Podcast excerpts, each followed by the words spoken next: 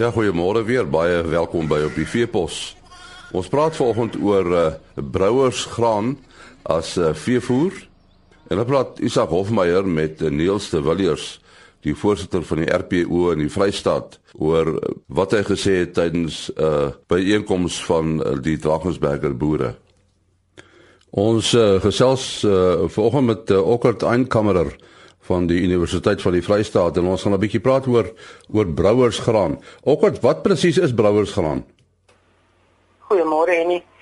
Ehm um, brouersgraan is 'n is 'n byproduk van die etanolindustrie. Ehm um, dit is nou waar waar grane soos soos gas en mielies gevat word en kiem word en dan ontstaan daar iets wat ons praat van 'n mout. En hierdie mout word dan gefermenteer om om die etanol te produseer en dan uit die aardse saak um, om bier en so voort te produseer. Hierdie is dan 'n byproduk wat wat agterbly wat dan as 'n as 'n veevoer gebruik kan word.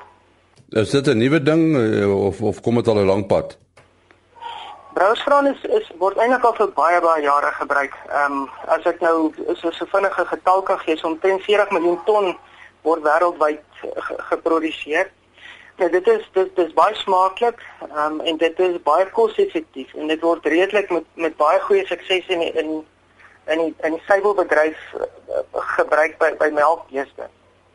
En hoekom word dit nie eintlik meer algemeen gebruik nie? Brouers gaan die, die, die groot probleem vir hom voordat nou by die by die samestelling kom is dat hy sy sy nutriëntwaarde wissel redelik baie. So jy kan nie op 'n daaglikse basis 'n produk van dieselfde ehm um, kwaliteit produseer nie. Nou hoekom hoekom ek sê is um, omdat verskillende grane gebruik word om om om etanol te produseer, uh, byvoorbeeld nou tussen bier en en whisky en dan uh, wissel sy sy voeg in ook redelik baie. Nou as ek daarby kan uitkom, sy droommateriaal is min of meer tussen 20 en 25%. So dis 'n redelike nat produk. En die ander probleem is ook om hom dan te, te stoor vir 'n sekere tyd. As jy hom aanskaf, dan kan jy hom tussen 2 en 7 dae werklik waar stoor voor hy gaan begin en mif of vrot raak. Jy kan hom uit die aard van self langer stoor in kouer omstandighede as as warmer omstandighede. Net sy samestelling wissel redelik soos ek gesê het. As jy kyk na sy sy proteïen, dan gaan nou weer stil stil staan daarby. Dit is tussen 25 en 30%. Hoekom ek praat van proteïene? Hy word redelik ingesluit omdat hy hoog hoër is in proteïen en en um, as as die graan self. Nou hy verskaf redelik proteïen en energie in die dieet maar interessant is die energie kom redelik van van van sy vesel fraksie af wat ons praat van die neutraal bestande vesel wat redelik hoog verteerbaar is. Nou die voordeel van dit in die um, melkbeeste eete is is veral waar waar boere groen veiding gebruik om melkbeeste beeste ook addisionele voer te verskaf word hierdie veiding eintlik beter benut met die insluiting van hierdie tipe produk omdat hy hoog is in vesel en die rumen pH meer meer ehm um, bietjie hoër is wat meer positief is vir veselvertering. Nou die interessante ding van proteïene is is dit het 'n redelike hoë deurvloei potensiaal. Met ander woorde, daar's beter aminosure wat deurgaan wat deur die rumen gaan na die laardarmkanaal en deur die dier gebruik kan word. Maar een tekort is is die aminosuur lisien binnekant die proteïene. Die ander miskien probleem wat daar mag wees is hy's redelik 'n bietjie hoog in in in vet. Ons praat van hier in rondom by 7%.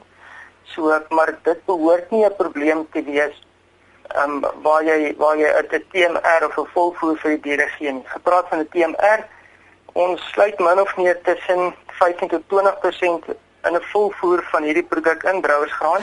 As jy konsentraat formuleer 20 tot 25%, selfs meer as dit tot 30%. Een van die ander probleme is dit is ook 'n lywige voer omdat hy redelik hoog is in in vesel en hy's ook nat, so hy kan ook nie koste-effektief gebruik word as jy oor langer afstande vervoer moet word nie. So daar is seker ook probleme as jy dit probeer inkuil. Snaaks genoeg, inkuiling word voorgestel as een van die metodes om hom te gebruik. Ehm um, hy is 'n klein bietjie nat. Dit hang af wat is sy droommateriaal inhoud. Hy moet ten minste hier by 35% dan wees. So die asemsaak kan jy hoor hy moet droër wees as as wat hy op die plaas gaan kom wat 25% behoort te wees.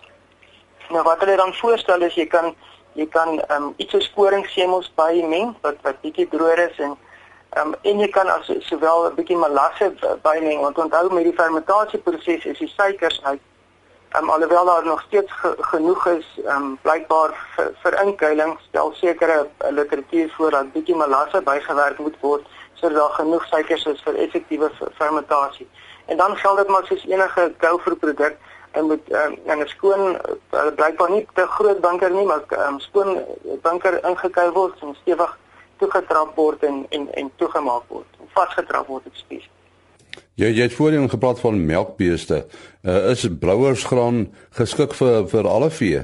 Vir alle vee. Ek ek ek het gelees daar's baie literatuur wat dit selfs op kleinvee gevoer word of vir varke, dan praat ons van die gedroogde produk maar dit word nie met baie groot sukses werklik waar in die plantjie industrie nie omdat hy bietjie minder energie bevat. As jy as jy hom vergelyk met mielies as ek praat van megajoules met 'n beseerbare energie per kilogram droommateriaal is hy min of meer 10 waar mielies nader aan 'n 13 en 'n half is. So hy hy het bietjie minder energie wat vir die plantjie industrie nie regtig van waarde is nie maar vir herkouers uit die agtersaak om 'n kreefsel um, kan gebruik maar hy word baie suksesvol in alle herkouerrantsoene gebruik veral ook so genoem het in in in die um, in melkveesrantsoene maar sowel ook by jou um, voerkraaldiere vir beeste en selfs skape. Skape moet dalk net 'n bietjie geleer word om te eet maar ek het al literatuur gesien wat selfs tot van 30 tot 40% al in rantsoene insluit alhoewel 'n name bietjie begin daal omdat hy mos maar lywig is en en redelik nat ook is Ons sê baie dankie aan uh, Okkert Einkammerer van die Universiteit van die Vrystaat. En uh, nou skakel ons oor na Isak Hofmeyer. Ons gesels met uh, Niels de Villiers, hy is voorsitter van die RPO in die Vrystaat en hy is genooi om uh, by die Vrystaat Drakensberger studiegroep uh, vergadering te kom praat. Niels, wat was jou boodskap aan die boere hier? Isak wat ek op klem gelê het is die implikasie van die droogte op die bedryf, die rooi vleisbedryf. Eerstens het ons gekyk na die mielieprys, wat die implikasie van die mielieprys gaan wees op op die bedryf, veral die voerkraalbedryf en ons het vir mekaar gesê dat die dat die dat die mielieprys is hoog. Dit gaan druk plaas op die voerkraalbedryf om kalvers teen 'n kompeterende prys te koop. Maar aan die ander kant is daar ook weer 'n tekort aan kalvers omrede die kalvers uh, minder geraak het die mense het kalvers bemark wat gaan veroorsaak dat die prys dalk nie so gaan val soos wat ons gedink het hy gaan val nie. Die die die speenkalfprys is is ons net 'n bietjie onkant gevang met hoe vinnig die prys gestyg het? Het, het ons nie verwag dat dit nog 'n rukkie gaan vat soos wat die vir die goed nog in die mark kom? Het die ouens dis baie minder bemark of is daar baie meer op 'n slag bemark in in in November Desember? Ons het ons het verwag dat as dit sou begin reën die die die die die die uh, die die aanbod uh, gaan gaan afneem. Want want die mense het regtig waar uh, voor die voet uitgelaai geslag verkoop net om die lading op hulle veld klaar te maak. Maar toe dit nou eers begin reën of in groot dele van die land Vrystaat begin reën het het die mense diere terughou en dit het onmiddellike effek gehad op die pryse wat toegeneem het. En uh, wat verwag ons vir die res van die jaar dus? Die vleis vleis gaan definitief duur bly. Ongelukkig vir die verbruiker en op hierdie stadium is dit vir ons uh die die die die besteedbaarheid die bestedingsvermoë van die verbruiker is iets wat die rooi vleisbedryf uh eh, groot bekommernis oor het. Ek kan vir self dink die die uh, wisselkoers het met 45% gestyg. Uh rentekoerse neem toe. Werkloosheid is hoër die groeikoers is laer.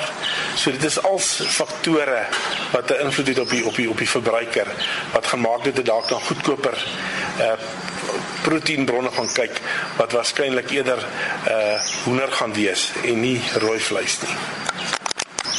Jy jy praat nou oor 'n klomp faktore wat 'n rol speel in die in die in die, in die prys van van die produk, maar op die ou end is dit vraag en aanbod. So as daar 'n verbruikersweerstand teen pryse uh, begin plaasvind, dan gaan goed die verkoop dan pryse afkom. Waar lê daai vlak en wat sal die implikasies wees? Dit dit dit dit is dit is moeilik om te bepaal uh mense maar sien hoe loop die vleis. As die vleis nie loop nie, dan weet ons die pryse is te hoog en en en daar's dan net doodgewoonig nie 'n vraag na die produk nie. En dan gaan dit outomaties gaan die die, die pryse uh afdwing. Maar maar mense maar die mark moet toets om te sien teen watter vlakke is die verbruiker besig uh is, is hy bereid om te betaal. Ek meen so paar dae terug het skaapvleis bo R55 per kilo het hy nie meer geskuif nie. En en en en beeste teen meer as R35 per kilo 8 grade, meer as R35 per kilo het die vleis stadig geloop. Maar intussen het die mense daar meer geld in hulle sakke. Ons hoop so dat dat daai daai prysvlakke waarskynlik dat ons dalk eerder gaan kyk na R60 en miskien R40 vir vir vir vir, vir beeste uh dat dat dat dat dat die die, die weerstandsvlak gaan wees van die verbruiker. Jou gebied, die Vrystaat, uh het baie gemengde reën gekry. Ek is nou weer terug op die op op grondvlak op op gras voortholvlak om dit nou letterlik te stel. Uh wat is jou indruk van van hoe die hoe die manne se plase lyk op die oomblik? die die veld herstel nogal verbasend goed.